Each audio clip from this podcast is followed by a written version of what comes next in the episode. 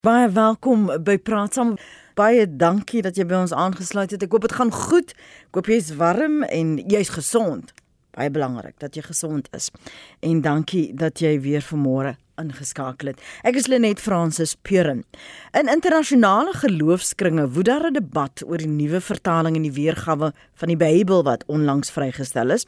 Daar's onder meer ongelukkigheid oor hoe sekere tekste in Bybelverse verander is en soms ook weggelaat is en by tye voel sommige kritici selfs die tradisionele weergawe weerspreek. Daar was sowat 20000 hersienings aan hierdie weergawe. Ons praat oor verandering, weergawe, interpretasie en aanpassings van gelowiges se heilige geskrifte.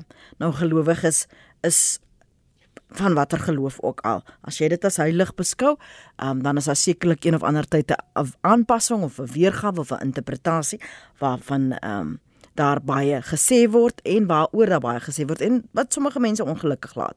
So ons praat daaroor en hoe jy daaroor voel. So praat gerus met ons watter weergawe jy verkies en hoekom want vir watter rede ook al. 076 5366961. Dis 0765366961. SMS se kan jy stuur na ons SMS lyn. Dit is 45889 45889 en elke SMS kos jou R1.50. Jy kan ook na die ateljee bel, dis in Johannesburg 011 714 8021. 011 714 8021. Ons praat vanoggend met Nadia Maree. Sy is 'n bevestigde predikant in die NG Kerk. Sy is ook dosent in sistematiese teologie by die fakulteit teologie by die Universiteit van Stellenbosch. Goeiemôre Nadia, welkom. Môre Lenet, dankie. Professor Shalien van der Walt is die hoof van geslags- en geloofstudies by die Skool vir Godsdiens en Filosofie aan die Universiteit van KwaZulu-Natal. Shalien is ook die adjunkdirekteur van die Ujamaa Sentrum vir Bybelse en Teologiese Gemeenskapsontwikkeling en Navorsing. Môre Shalien, baie welkom by eh, Praat Saam. Uh môre Lenet en en ook 'n goeie môre aan die luisteraars so vroeg op 'n maandagooggend. En ons praat sulke ernstige sake so vroeg op 'n maandagooggend. En en julle sal self weet vanuit julle ervaring dat ongeag net as dit 'n gewone boek is wat uh, 'n uh, rolprent word dan is mense ongelukkig want sekere uh, sinne is uitgelaat of dit was vir hulle treffend en nou is dit daar en nou is dit 'n afgewaterde weergawe en is 'n nie 'n goeie interpretasie nie. 200 20000 ekskuus vir hersienings van van hierdie nuutste weergawe. Waaroor is daar soveel ongelukkigheid Nadia Ja, Lenet, dankie. Dit was 'n mooi voorbeeld wat jy gebruik het. Um ja, soos ek dit verstaan, gaan dit uiteindelik om oor 'n oor 'n spesifieke Engelse Bybelvertaling, die uh New Revised Standard Version. Um en die die veranderinge wat aangebring is, skryf die redakteurs het uh, ek dink hulle maak dit pertinent baie duidelik dat hierdie nie 'n nuwe vertaling is nie, maar eerder 'n opgedateerde weergawe van 'n bestaande vertaling in Engels. Um en en soos ek rasionaal verstaan agter hierdie proses wat 'n jarelange proses was wat teoloë uit verskillende vakgebiede by verskillende universiteite en instellings uh, betrek het, het dit daaroor gegaan om die vertaling verder te verskerp, om die taalgebruik uh vir mense nog duideliker, nog beter um soort van te te maak. Um en ek dink iets van hierdie bedoeling van hierdie soort van um ja, agenda is iets wat agter elke vertaling lê. Ek dink nou byvoorbeeld aan uh wanneer ons nou selfs net tussen Engels en Afrikaans vertaal, is daar altyd iets wat wat verlore gaan hè. Ons ons sukkel soms om presies die regte woord, presies daai woord wat my gevoel of of die volle omvang van hierdie mooi woord in in Afrikaans na Engels te vertaal.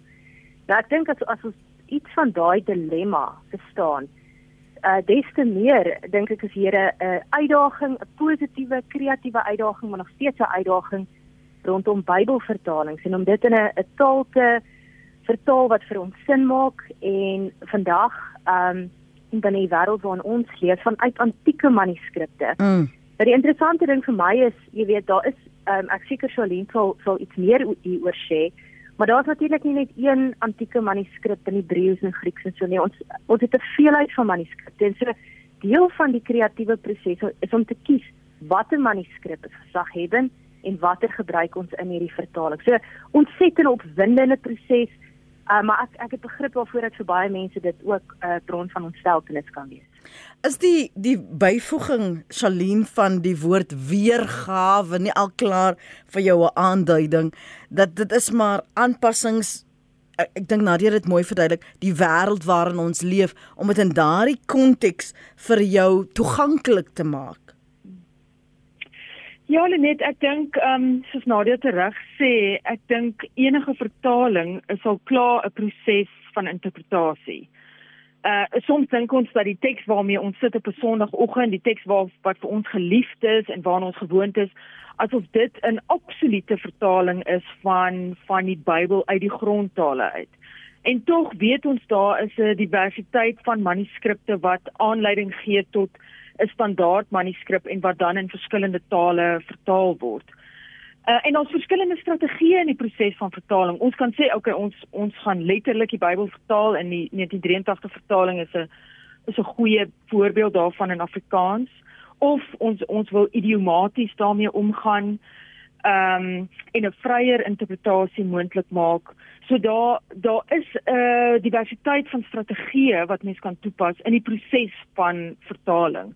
Maar wat merkwaardig was van die proses uh, wat nou van stapel gestuur is deur die ehm um, deur die Society of Biblical Literature soos hulle bekend staan wat die grootste organisasie is wat Bybelwetenskaplikes bymekaar bring in die wêreld is dat ehm um, eintlik die vertaling 'n kritiese vraag vra oor oor wie die mag het in die proses van interpretasie. So die proses bring nie net wetenskaplikes bymekaar nie, maar in sekere kontekste is sekere tekste gedeel met geloofsgemeenskappe en gesê, "Oké, okay, kom ons lees die teks saam en dan hoor ons hoe ons in, hoe ons vertaling daarvan land in kontemporêre kontekste waar mense met die teks omgaan, waar mense probeer sin maak en betekenis maak soos wat hulle met die teks omgaan.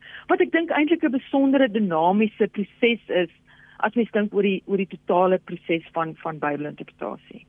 So nou as jy onderskei tref tussen Bybelwetenskaplikes, um is hulle ook geloofsleiers of staan hulle letterlik um een kant en kyk net na dit op grond van wat in die verlede gebeur het, hoe hoe be, word dit beoordeel? Ek ek verstaan nou die interpretasie gedeelte, maar hoe word beoordeel sodat jy aan die einde van die dag besluit maar hier is die weergawe wat ons sal publiseer of dan nou sal behou? Ja, nee, dit is 'n fantastiese vraag. Ek dink ehm um, ek dink dit dit kom ook neer op die feit dat dat ons identiteit nie nie een nie in een ding opgevang word nie, reg soos Bybelwetenskaplikes uh is ook 'n uh, representeer ook 'n verskeidenheid van geloofsposisies en so party mense is is geloofsleiers en Bybelwetenskaplikes en ander mense is uh syfer probeer wetenskaplik met die teks omgaan. Ander mense is geloofsleiers en probeer die teks in, interpreteer vir vir geloofsgemeenskappe. Maar in in hierdie proses dink ek ehm um, gebruik mense hulle hulle verstaan en mm. waar hulle ge, geplaas is om hierdie insigte dan te bring uh na die proses van vertaling. En wat fantasties was, ehm um, ek het so klein bietjie opgelees oor hierdie proses is die hoeveelheid gesprekke wat ingerig is om om te kom tot tot 'n tot 'n mate van konsensus waar mense sê ja, hierdie hierdie is die mees akkurate of die of die mees van toepassingbare uh voorbeeld van van 'n interpretasie. Ehm um, so uh, in hierdie tyd van COVID-19 het het uh, die mense wat deelgeneem het aan hierdie proses uh honderde ure op Zoom spandeer om met mekaar in gesprek te wees en en om tot die beste interpretasie van die teks te kom. My kop is besig om in alle rigtings nou te waai want nou sit ek en dink hoe daardie interpretasie tog die saad vorm al dan nie van iemand se aanvaarding van of 'n teks of geloofservaring van dit spreek tot my waarheid. Jy weet dat daar ontroering in jou binneste is as jy die woord dit is so gebruik of jy die woord anders gebruik. Ek het nou spesifiek nou net gekyk na na een van die woorde wat hulle verander het. Um in die Engelse se weerga, weergawe van van wa, waar hulle besluit het op die boek van Leviticus oor die sin offering daardie en julle sal natuurlik nou vir my baie mooi kan help nou wat die verskil is en dan het hulle dit verander na en geopdateer na die purification offering. Help ons om te verstaan hoe daai woord tog die hele belewenis van 'n persoon se ervaring en geloofservaring eh, kan beïnvloed uh, Nadia. Sjoe, ehm um, ek dink dis waarskynlik 'n vraag wat wat Charlene beter sou kan antwoord. Okay, sy kan na jou. Oké, okay, en so so ek dink in terme van as ons dink aan taal, ek dink dit is die die een van die fascinerende goed vir my veral binne teologie ehm um, dat hoe hoe taal uiteindelik perform en hoe ons taal ontvang, hoe dit ons raak, hoe dit ons beweeg. Ehm um, is dit nou presies dit is 'n baie goeie voorbeeld want vir, vir verskillende mense gaan verskillende soort van woorde, begrippe, metafore, beelde, beskrywings um, in die Bybelteks aanraak en vir een of ander snaakse rede weer vir ander mense gaan dit verbygaan. En dit is vir my baie interessante um, proses want dit is presies dink ek sosiaal sê dat ons ons hele uh, ervaringswêreld wat insluit ons ons taal gebruik hierdie um, hierdie huis van syn um, as ons nou kan dink aan van die taalfilosofiese beskrywing eintlik maar bring na na hierdie lees van die Bybelteks ons bring ons liggaamlike ervaring ons bring ons waar ons emosioneel is waar ons dink ons verhoudings is uiteindelik alles deel van hierdie ehm um, ja, ek dink hierdie proses van sin maak uh van van die teks. En so die die rol wat taal speel en en taal dan spesifiek om eintlik dit wat buite om ons taal val, naamlik ehm um, God om oor dit wat nie onder taal gebring kan word nie op 'n manier nog steeds te probeer beskryf. Ek dink dit moet ons tot groot nederigheid stem. Um, juist omdat ons weet maar maar dit waarmee ons nou besig is of dat dit waarmee ons sê ons besig is en um, geloof, beslot van rekening, spiritualiteit uiteindelik iets is wat meer is as ons taal. So aan die een kant dink ek dat dat hoe ons dink oor taal ontsettend belangrik is. Wat wat is die rol wat taal speel um, in ons lewens en ook in ons in die verwoording van ons ervarings en ons ehm um, wat vir ons belangrik is, ons prioriteite, ons waardes. Maar dan aan die ander kant hierdie besef ehm um, dat ons eintlik besig is nou met iets wat wat nie vermag kan word nie, naamlik om God en om ehm um, ja, ek dink hierdie hierdie soort van uh realiteit dat daar iets meer is as wat ons sien om ons en en hoor onder woorde te probeer bring. Um en so ek vir my is dit interessant dat dat sekere uh woorde, sekere metafore en beelde en beskrywings by sekere mense gaan resoneer en by ander mm. dit eintlik by ander heel verby gaan gaan en hoe daai werk um, moet ek sê vir my ontsettend opwindend want dit is nie voorspelbaar dit gaan nie dit werk nie volgens 'n patroon um, ja so so ek dink ek dink elkeen sal eintlik dit maar vir hulle self moet uitmaak wat wat jy nou vir my vra. Mm. Ek sou graag hoor wat Charlene dink. Ek, ek wil ook graag hoor want weet jy wat, die rede hoekom ek dit vra is ek het onmiddellik gedink aan hoe die Griekse psalms, daardie Psalm 23 en ander byvoorbeeld geïnterpreteer het sodat dit aanklank vind by die persoon wie se leefwêreld dit is en hoe hulle hulle godheid of die godheid dan ervaar uh, waar jy byvoorbeeld on, ons ken die die ou Psalm 23 die Here is my herder en en waar hy byvoorbeeld Hans dit so aangepas het dat die die Here is my skaapwagter wat my nou in in sy drade werk toefou hoe dit pragtig binne na binne slaan. Dit is dit is eintlik waarop ek afgestuur het oor hoe taal by jou en jou ervaring van jou geloof aanklank kan vind en op jy op een pad ry of op 'n ander pad sit. Shalini, ek wil graag hoor wat sê jy want vir ons die die stempos van ons luisteraars is speel. Wel net daai eh, Griekse Psalm 23, daai voorbeeld wat jy gebruik is 'n pragtige voorbeeld, né, van hoe hoe ons taal kan gebruik om ons leefwêreld uit te druk. So as as mens kyk na wat die vertalers uh, of die die mense wat gewerk het aan hierdie aanpassing van die Bybelse teks wat hulle gedoen het is uh, uh, hulle sê uh, ons ons het met die Bybel omgegaan en gedink oor modern sensibility. So so ons het gedink van uit die leefwêreld en verstaan wêreld van kontemporêre gelowiges. En een voorbeeld wat hulle gebruik het wat ek dink nogal baie verhelderend is is uh is om die terminologie rondom slawerny te verander. So uh hulle het byvoorbeeld uh, gewys dat dat daar nie meer na slawe verwys word in die Bybelse teks nie, maar eerder na hulle wat onderwerp word aan slawerny. So wat hierdie verandering maak is om te sê dis nie asof jy gekies het om 'n slaaf te wees en dis nou jou identiteit nie. Mm -hmm. Nee, ons almal weet slawerny is 'n sistemiese realiteit wat bepaal word vanuit bepaalde ideologieë oor oor wie 'n uh, persoon en 'n en 'n ehm um, wie wie wie beskou word as 'n persoon. So so in in aansluiting by Nadia, is dit nie net dat ons moet bewus wees van ons taal nie, maar soos wat feministiese teoloë vir ons probeer leer is om te sê ons woorde skep wêrelde ja. en ons leef in daai wêrelde. En ons verken deur daai wêrelde. So die manier waarop ons taal gebruik het 'n radikale implikasie vir die manier waarop ons die wêreld navigeer. Mm. Dankie, dankie, dankie. Professor Shalien van der Walt en Nadia Maree is ons gaste vanoggend.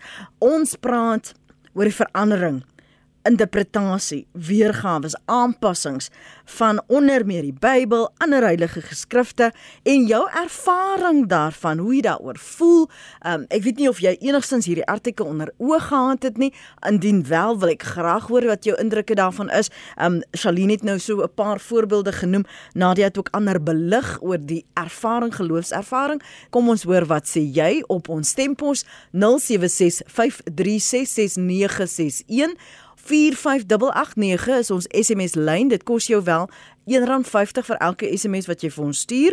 Andersins kan jy ook bel na die ateljee op 011 7148021. 011 7148021.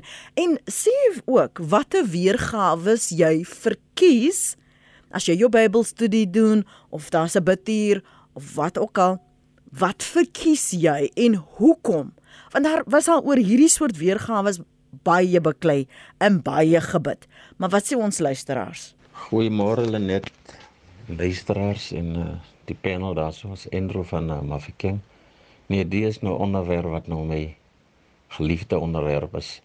Uh ek verkies die uh New King James version want dit is uh direk van Grieks vertaal uh, uh Engels toe en al hierdie nuwe uh, uh weergawe wat nou uitkom uh uh word die Here eintlik God word eintlik nou verkleineer of Jesus word nou klein lettertjies geskrywe en uh nou as mos dan nou uh, wetgewings nou uitgekom dat al die woorde wat nou man is soos uh menopause uh, dan Amerika menopause al die woorde wat men aan het ons ding is nou ons gaan nou teen 'n sekere wet van die aarde want vrou en 'n man is mos nou equal soos soos soos wat die die wet nou is. En nee, ek stem saam met die nuwe vertaling sê dit is ongoddelik is is is is, is mense gaan eintlik uh, soos mense sê hulle gaan eendag moet verantwoording doen vir God om om om om om die Bybel te vertaal. Die Kings of die King James version is die beste sover. Baie dankie. Die Bybel is duisende jare gelede geskryf en die realiteit van vandag word glad nie in die Bybel vervat nie. Um die Bybel is stak 2 2000 2500 jaar gelede. As jy kyk wat die Bybel sê waar vroue se plek in die samelewing is. Dis dis duidelik uh baie baie oudheidse denke in 'n wêreld wat nie meer bestaan nie. Dieselfde met met ehm um, die, die Bybel se siening oor gays. Dit is tyd dat die Bybel aangepas word by 2021. Anders gaan dit net lagwekkend bly die hele tyd. Môre Frans Boysen aan hierdie kant. Die nuwe druk is nie meer 'n Bybel nie. Dit het geword 'n storieboek. Dit is soos kos wat nie sout in het nie. Onsmaaklik. Die krag word uit die Bybel uitgehaal. Sterkste verse word uit die Bybel uitgehaal. Daar is nie meer krag in die woord van die Here nie. Dit is 'n boek met mense gedagtes geskryf deur mense gedagtes en nie geïnspireer deur die Heilige Gees nie. So, die ou druk is die Bybel, die nuwe druk is 'n storieboek. Goeiemôre Lenet en gaste. Ja, die herskryf van die Bybel elke paar jaar, ek weet nie hoe gereeld is dit al aangepas nie, maar vanaf 1933 'n paar keer. Nou die vraag is, hoekom word die Bybel herskryf? Is dit omdat sekere groepe of individue die Bybel wil vertolk volgens hulle idees, volgens hulle denke en dit is 'n probleem vir my. Baie dankie, mooi dag. Praat saam waar jou mening tel. Kyk, ek is nou mal oor hierdie bydraes want dit gee vir ons soveel stof om te bespreek vanoggend. Baie dankie dat julle moeite gedoen het om daardie stempos te stuur. Kom ons begin by Fransen eers Nadia want dit klink selfs asof hy uh, sy pragtige beeldspraak en dis waarop dit neerkom en die punt wat ons probeer maak het dat hy sê dit dis soos kos wat nie sout in het nie die weergawe. En is dit juis nie wat hierdie weergawe probeer doen nie om te praat tot die man of die vrou of die persoon soos die ander luisteraar gesê dit word nou so aangepas om hierdie tye te weerspieël. Ja, Lenet, ek dink um, een van die mooiste beelde vir my van taal en ek dink geloofstaal en teologiese taal en Bybelstaal is is steeds ek meen taal. Ek dink ons moet dit nie ehm um, voor oë sit van mis nie, maar is dat hierdie 'n lewende ding is, iets wat asemhaal. Hmm. En met ander woorde nie minder soos 'n 'n wiskundige som of formule wat wat vas is en wat bewysbaar korrek verkeerd is, en meer soos 'n 'n lewende wese wat verander, wat uitsit, wat inkrimp, wat asemhaal. Um en dit maak dit natuurlik baie meer messy en onvoorspelbaar hoe taal verander. Ek dink dis dis ook iets wonderliks, sê iets van ons menswees, van mm. ons verbeelding, van ons kapasiteit vir verhoudings, vir verandering, vir transformasie, om te leer, om sekere ander goed weer af te leer. Um maar ek het nou gedink aan 'n aan 'n um, klein voorbeeld. Um van 'n vers wat wat uh, as ons nou dink aan aan ander Bybelvertalings dan as die NRSV, um in in die die verhaal van die Ethiopiese enig in in um Handelinge 8 wat wat gedoop word.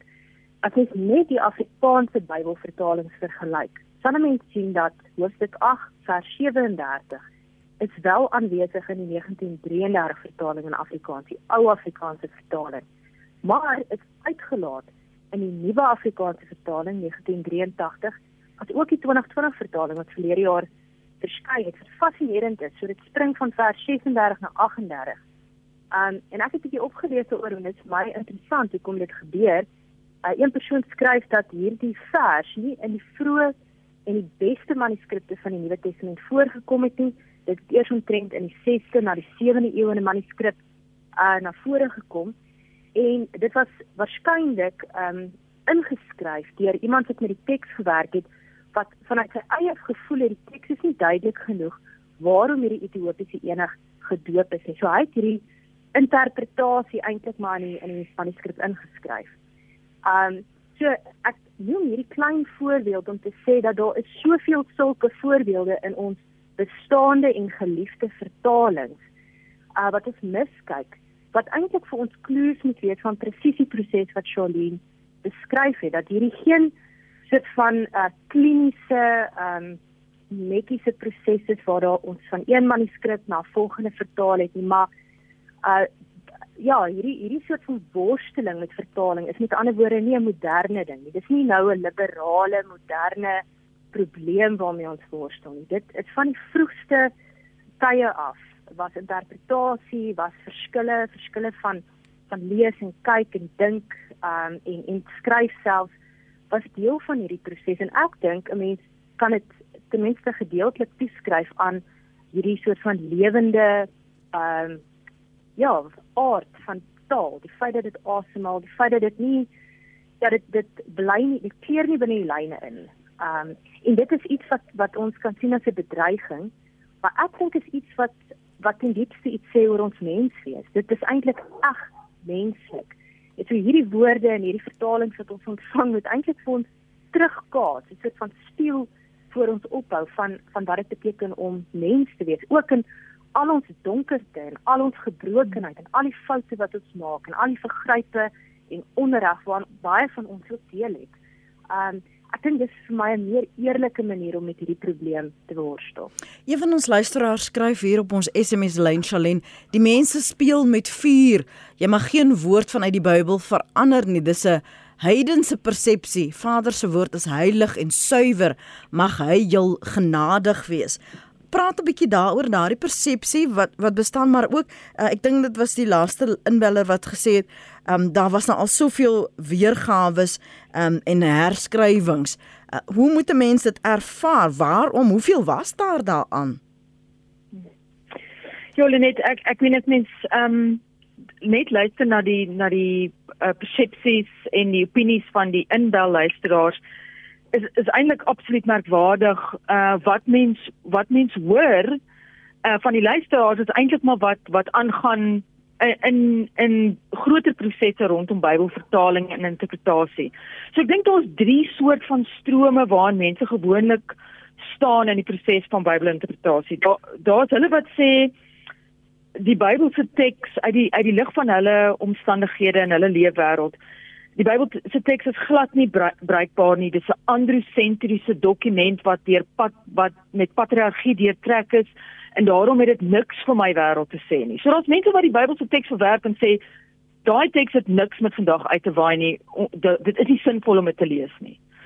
Dan hoor ons en en die voorbeeld wat jy nou gebruik het, hoor ons aan die ander kant mense wat sê die Bybel is onfeilbaar, dis absoluut die woord van God ons moet dit letterlik elke letter net so opneem en en dit van toepassing maak op ons lewe. En tog as mens regtig letterlik met die teks wil omgaan, dan gaan mens baie gou agterkom dit is nie so volhoubaar nie. Jy weet, daai ding van as jou kinders stout is, moet jy hulle nou buite die stad gaan stenig. Daai soort van goed. Ons weet almal dit kan tog nie. Jy weet kinderbeskermingseenheid sal in 'n minuut voor jou deur wees. So ek dink almal of of ek dink 'n groot meerderheid van mense val val in 'n stroom tussen hierdie twee ehm um, breë strome. Wat sê ons weet dat ons navigeer die teks vanuit ons bestaanswerklikheid vandag en ons probeer sin maak daaruit sodat ons kan leef sodat ons uh met ander mense in in verhouding kan staan sodat ons in 'n lewende verhouding met God kan staan wat nie net myself um tot voordeel is of my gesin of my geloofsgemeenskap nie maar ook uh hulle wat aan die buite staan van van ons interpretasie of die wêreld waarin ons leef. Die manier waarop ons die teks interpreteer het radikale implikasies vir elke dimensie van ons lewe. En almal van ons op 'n een of ander manier is besig met die kreatiewe proses van interpretasie. Party van ons is bietjie meer eerlik daaroor en sê kyk ek besef wat ek lees word op 'n diep manier bepaal deur waar ek staan. Ehm um, en tog is daar ander wat steeds wil sê ek kan objektief na die teks kyk. Mm -hmm. Ek kan van buite af staan en sê dis die absolute waarheid. Maar ek meen ek ek dink ehm um, ja, ek dink dit is kompleks en ek dink die die die luisteraars ehm um, wys vir ons iets van daai diversiteit van interpretasie. Ek lees nog van ons SMS'e en dan gaan ons probeer op uh julle oproepe ook te neem. Ek vertrou diegene wat so kommentaar lewer oor die Bybel wat nou 'n storieboek geword het, 'n sterk akademies onder in Grieks, Hebreëus en Afrikaans. Anders is hulle opinies lagwekkend, skryf Jan. 'n Ander luisteraar is Barnard van Alberton sê Hierdie verpolitisering van terme tydens hervertalings is skokkend. Ek kan nie glo dat jou gaste so in hul noppies kan wees daaroor nie. Kan gaan ons nog by grondeise en apartheid ook uitkom? Kyk, los nou nou eers dit, want dan, jy gaan nou 'n ander groep mense so ongelukkig maak. Want nou sê hulle dis ekke wat hierdie goed inbring en dan is die ekkie, dan is dit jy.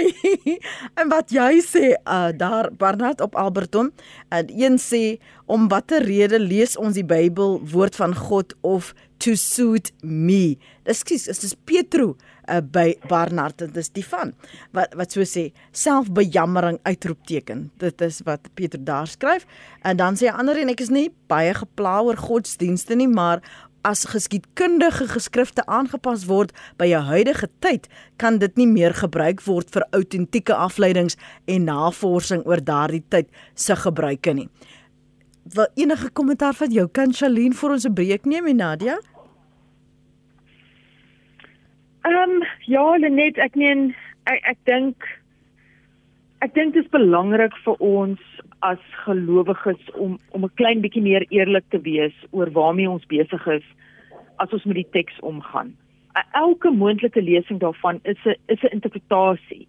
Dis dis my poging om sin te maak daarmee. En en soms is ons pogings uh verder kompleks omdat ons dit net lees saam met mense wat op dieselfde manier as ons dink en wat so oor die Bybel dink presies soos ons. Ek dink die uitdaging is uh om die teks te lees met hulle wat van ons verskil. So ek meen hierdie gesprek vanoggend is so ryk in die sin dat dit wys vir ons waar mense staan en en en hoe hulle dink oor die Bybel en dis al klaar 'n belangrike eerste stap in die proses van van interpretasie. Uh dis die stemme vanoggend van professor Shalien van der Walt. Sy is hoof van geslag en geloofstudies by die Skool vir Godsdiens en Filosofie aan die Universiteit van KwaZulu-Natal. Sy is ook adjunkredakteur van eh, ekskuus direkteur van die Ujamaa Sentrum vir Bybelse en Teologiese Gemeenskapsontwikkeling en Navorsing. Ons ander gas is Nadia Maree, bevestigde predikant in die NG Kerk en ook dosent in sistematiese teologie by die fakulteit teologie by die Universiteit van Stellenbosch Stellenbosch en terwyl ek dit lees en sê wie ons gaste is, dink ek, "Jo, as dit nou jare gelede was, dan sou ons hulle nie waarskynlik as gaste kon hê nie, want wat weet 'n vrou dan nou van 'n Bybel?" Praat saam waar jou mening tel. Goeiemôre Lenet, die probleem lê nie by die Bybel nie. Die probleem lê by ons as mens wat nie meer die goddelike um, leringe van die Bybel wil verstaan nie want die Bybel het net soveel toepassing vandag op ons lewens as toe eintlik meer. Goeiemôre Lenet, ek is weer laat. Jammer. Ek wil net sê ja, soos een van die mense daar gesê het, die Bybel se skrywe is ter duisende jare oud. En God se tyd is onbepaald. En die mense wat die Bybel vertaal en herskryf, sal moet antwoord doen. Want die ding is God gaan nie hom verander na die denke van mense nie. Die mense wat dit verander, verander dit omdat hulle nie dan in God glo nie. Maar dit is hoe dit is, maar God is onveranderd en sy woord is 'n rots. Dit mag nie verander word nie. Baie baie dankie Louis Kutse. Môre RSG. Ja, ek luister nou hierso ehm um, oor die Bybel en die vertalings en my vraag sou net wees die Bybel is oorspronklik saamgestel deur mense aan wie ehm um, die Here verskyn het en wat saam met die saam met Jesus geloop het. Ehm um, die mense wat hom dan nou vertaal en hoor skryf of 'n nuwe weergawe skryf is dit hoe hulle die nuwe weergawe dan nou gekry het om dit te verstaan of die nuwe weergawe te skryf is daar aan hulle verskyn. Ehm um, het hulle verstaan nie wat ek sê ek ek dit maak nie vir my sin nie. So daarom die die weergawe waar die Here aan mense verskyn het, dit kan 'n mens nog verstaan en glo. Goeiemôre, is my Baberdien. Ek wil saamstem met die vorige spreker. Ek glo vas aan die ou vertaling. Ek is daarmee grootgemaak, opgevoed in die Sondagskool, katekisasie klas. En ek lees hom vandag en ek gebruik hom vandag nog op 73 jaar. Ek wil nie die nuwe vertaling hê nie. Dit is so jammer hoe slimmer die mens raak, hoe meer wil hy die Bybel verander en God se stellings verander. Hoekom moet God by ons aanpas? Hoekom moet God se woord verander sodat dit by die nuwe wêreld aanpas? Dis mos nie waar vir die Bybel daar is nie. Daar's riglyne neergelê en daarbey moet ons as mens bly. Dankie, Esme op Albertine. Al wat ek kan sê is uh hulle verdraai die Bybel. Hoekom los hulle die Bybel net so is nie want almal ek verstaan hom net so is van die ou King James. En as ek 'n nuwe vertaling lees, dan verstaan ek niks wat daar aangaan nie. Op die huidige oomblik lees ek 53 en dit maak vir my sin alles want Dit is baie uh soos die ou King James en uh hulle water God as af asof God glad nie meer bestaan nie. As jy na al die leraars en goed luister selfs op die dieselfde met Cassius en al daai. En som is, is sekere van hulle aan om te sê dat daar bestaan nie 'n dag soos goeie Vrydag nie. As hulle mooi gaan kyk hoe Christus met met Paasouer en daai goed, sal hulle sien dat hy 3 dae en 3 nagte in die graf was. As hy op Vrydag gekruisig was, was hy nie 3 dae en 3 nagte in, in die graf nie. So met ander woorde maak God alleen haar. Praat saam op RSG. Dis die een. Hier's nog tyd vir 'n paar SMS'e. Die een sê my oupa was gekant teen die Bybelvertaling in Afrikaans. Hy het geglo dat die Here Hollands gepraat het, ook dat die aarde plat en vierkantig is, skryf Marie. 'n Ander een sê jy moet God ekskuus, jy moet God ken en glo en by hom uitkom. Aangename dag, sê anoniem. 'n Ander een sê my oupa o dat dit daar is, daar het ek reeds gelees. Ek lees geen Bybel na 1983 nie. Uh waarom sê die luisteraar so? Want vir my is die nuwe vertaling nie 'n Bybel nie. Ek lees myne en of ek dit verstaan of nie solank ek dit lees en stem saam met die ander wat ook teen dit is. En dan was daar 'n interpretasie verwysing. Ehm um, wat ek net gou wil kry, julle moet my vergewe en net iets wat geduldig met my wees want die bladsy spring nou so baie want daar's nou so baie bydraes. Ehm um, Goed, laat ons laat ons dit eers daar laat, maar die die die gees van wat die luisteraar gesê het was waarom hulle sekere weergawe verkies en ander nie verkies nie. En ek wil by jou hoor Nadia. As jy kyk na al hierdie weergawe en ons praat nou oor die die jongste een. Wat is die die rol en die plek van geloofsleiers? wanneer 'n nuwe weergawe na vore kom. Een van ons anonieme luisteraars het byvoorbeeld gesê as jy 'n geheel beeld wil hê en 'n verstaan van 'n teks, moet jy eintlik 'n klomp verskillende weergawe hê as jy ehm um, dit dit lees. Maar, maar wat is hulle plig as geloofsleiers? Moet ons net staat maak op hul interpretasie van 'n teks of moet ons hulle verantwoordelik hou om te sê, "Maar stel my bloot aan hierdie verskillende interpretasies." Want aan die einde van die dag wil ek 'n ervaring mos met die woord hê. Hmm. Ja, net ek dink die vraag vir my sou wees, um, wat mense bedoel met geloofsleiers daar daar's heelwat dink ek um, sterk menings oor die rol van teoloë mm. en die rol dan van kerkleiers. Maar as ek dit so kan antwoord, ek het nou gesit en, en luister en gedink aan die aan die hervormers, Martin Luther, Johannes Calvin en veral Luther wat gewaarsku het teen die verskynsel van so hulle wat gewerk het met die begrip van um, sola scriptura die, die skrif alleen. Ehm um, maar na die ander kant toe gewaarsku het teen die verstaan van die Bybel as 'n papier paus, 'n paper pope.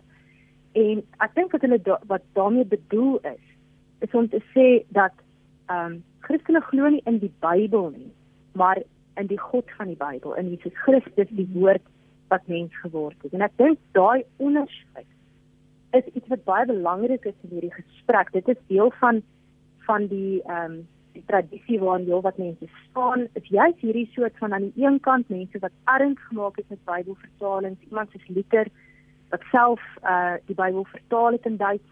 Ehm um, maar dan aan die ander kant het baie oop oë ehm um, ook daarna gekyk het en gesê het maar maar wees versigtig. Aan die einde van die dag glo ons nie in hierdie boek nie.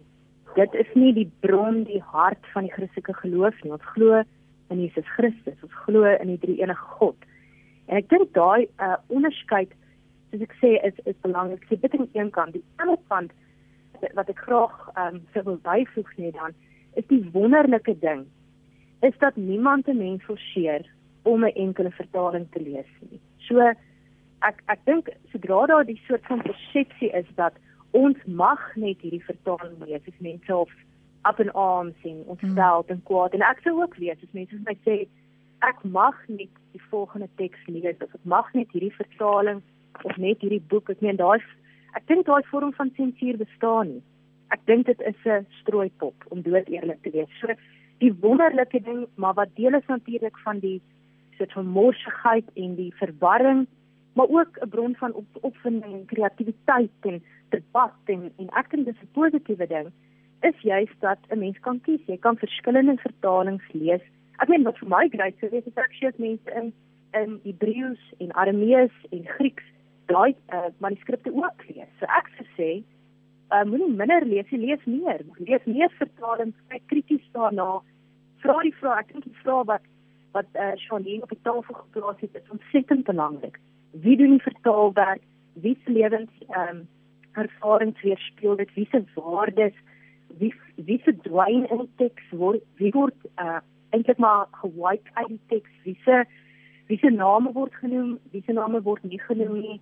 Also wie wie word onsigbaar ook in die teks? Ek dink daai soort van vrae is dit eintlik 'n simptoom van 'n lewende geloof, 'n geloof wat vra vra wat 'n hartklop het, ehm um, wat eg menslik is. En wat wat soms dan ook worstel en sê ons weet nie altyd uh, hoe om sin te maak van nie, maar ons ons probeer, ons hou aan engage, ons hou aan uh dink hieroor, met mekaar mm. praat hieroor en dit saam uitfigure. Ek ek sou my baie meer tuis vind in daai soort van houding. Maar ek dink die wonderlike ding is mense kan self kies. Niemand sê jy mag nie hierdie vertaling lees en jy moet hierdie ander vertaling lees nie. Wat moet ons in gedagte hou wanneer jy met met die tekste so worstel want hierdie er menings op ons SMS lyn is so wyd soos al hierdie interpretasies wat bestaan Shalien uh, hoe hoe moet 'n mens dit in jou geloofswêreld dan of verwerp of dan ervaar of voor plek maak Jolenet ek ehm um, wat so mooi is van die luisteraars uh, respons is daai uh artikulasie van die geliefdheid vir die ou vertaling. So klop luisteraars wat sê dit is die Bybel, dis waar uit daai taal maak God vir my moontlik. Ek verstaan wie God is uit die lees van daai. Ek weet ek is 'n gelowige uit die lees van daai.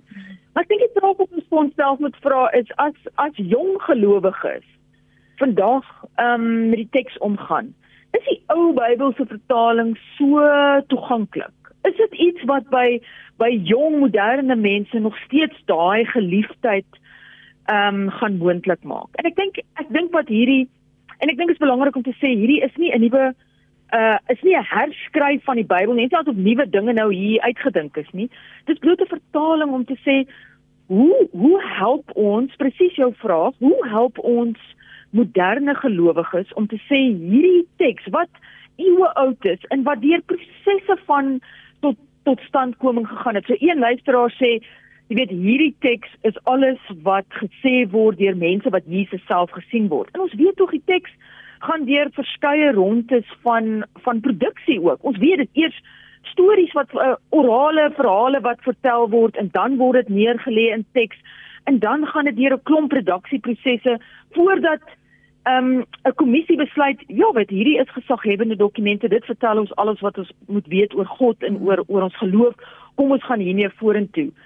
Ek dink daai prosesse is belangrik want want al daai prosesse doen eintlik maar dieselfde ding en vra vir ons dieselfde ding vandag hoe hoe gaan ons om met hierdie teks nie sodat dit 'n reëlboek is soos wat Nadia verwys nie maar dat dit 'n teks is wat vir ons lewe gee en wat die lewe moontlik maak. En dit is 'n proses van lewende interpretasie. En en 'n verskeidenheid van weergawe help ons om op 'n meer autentieke manier hierdie proses ehm um, mee besig te wees. Dit dit help ons om meer eerlik te wees oor die verskeidenheid van van insigte wat dit moontlik maak vir ons om vandag gelowiges te wees in die jaar 2021 net so vinnig, weet jy of die as jy die ander interpretasies en en verwysings en handleidings wat soms met weergawe uh, saam gepubliseer word, uh, het dit dieselfde soort impak en reaksie wat dit ontlok, uh, byvoorbeeld as jy die Koran of ehm um, die is dit Bita Gavat, ag nee, die Hindu ehm um, leiding ek, ek my naam ongaan my nou, maar jy's 'n navorsing so jy sal weet ehm um, waarna ek verwys. Ek gaan nou daai naam reg kry. Charlene, is dit dieselfde soort reaksie wat dit ontlok? Kyk, ek dink verskillende geloofsgemeenskappe staan ook ehm um, op verskillende plekke in terme van hulle heilige skrifte. Mm. Ehm mm. um, en die proses van interpretasie lyk verskillend in verskillende geloofstradisies en wie wie die mag het tot interpretasie en en wie byvoorbeeld in publieke spasies die teks mag lees. Dit lyk verskillend in geloofstradisies. Maar ek dink enige proses ehm um, wat probeer om 'n teks te vertaal vir kontemporêre uh, geloofsgemeenskappe het, het maar die potensiaal om mense te ontstel. Want net ons is ons is lief vir goed wat ons aangewoond is en wat ons gedra deur tye van moontlikheid. Ek kan hoor as die as die luisteraars praat oor die ou vertaling.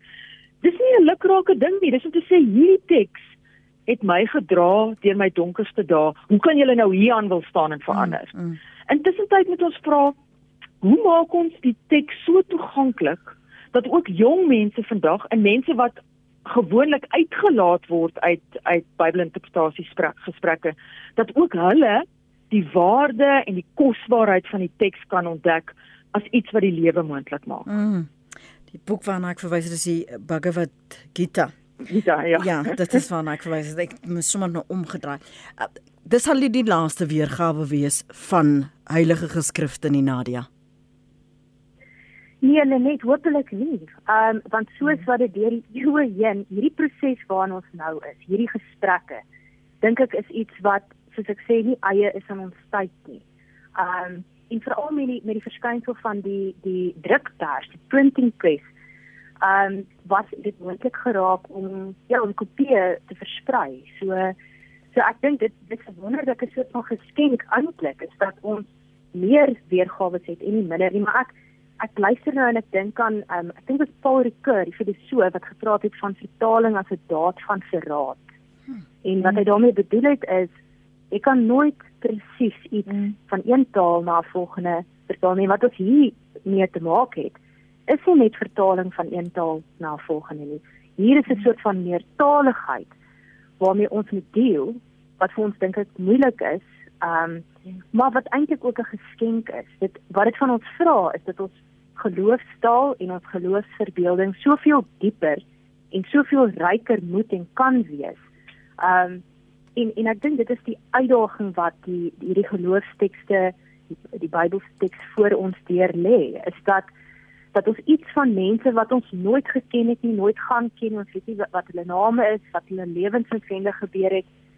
Al hierdie ervarings, sekere karakters wat meer prominent na vore kom in die teks, ander wat weer verdwyn maar ook 'n klomp mense tussenin uh wat besig is met die vertaalwerk wat uh kopieë gemaak het van hierdie antieke manuskripte. Um dat ons eintlik nie eens weet wie almal betrokke was nie, maar dat iets van hulle hulle werk mm. en hulle toewyding aan die geloof en hulle liefde, soos Charlene sê, hierdie stuk geskiedenis alles saam met die teks kom. Hierdie goeie baggage as ek dit nou so kan sê. Ja. Um, en dit is wat ons ontvang, maar dit is ook die afloopstukkie wat ons vorentoe gee en en ek dink dit is 'n geskenk. Baie dankie. Dankie vir julle insigte vir oggend, julle vir julle, bydrae en dankie vir al die die luisteraars vir julle denke. Dit is so verrykend om om saam met hierdie idees te worstel en daaroor te praat en want dit belig ons eie ervaring van die onderwerp maar ook die geskrifte waaroor ons gesels vanoggend. Ons gaste was professor Charlene van der Walt en Nadia Mare. Gaan gerus na ons webblad www.rsg.co.za um, vir die aflaai van ons potgooi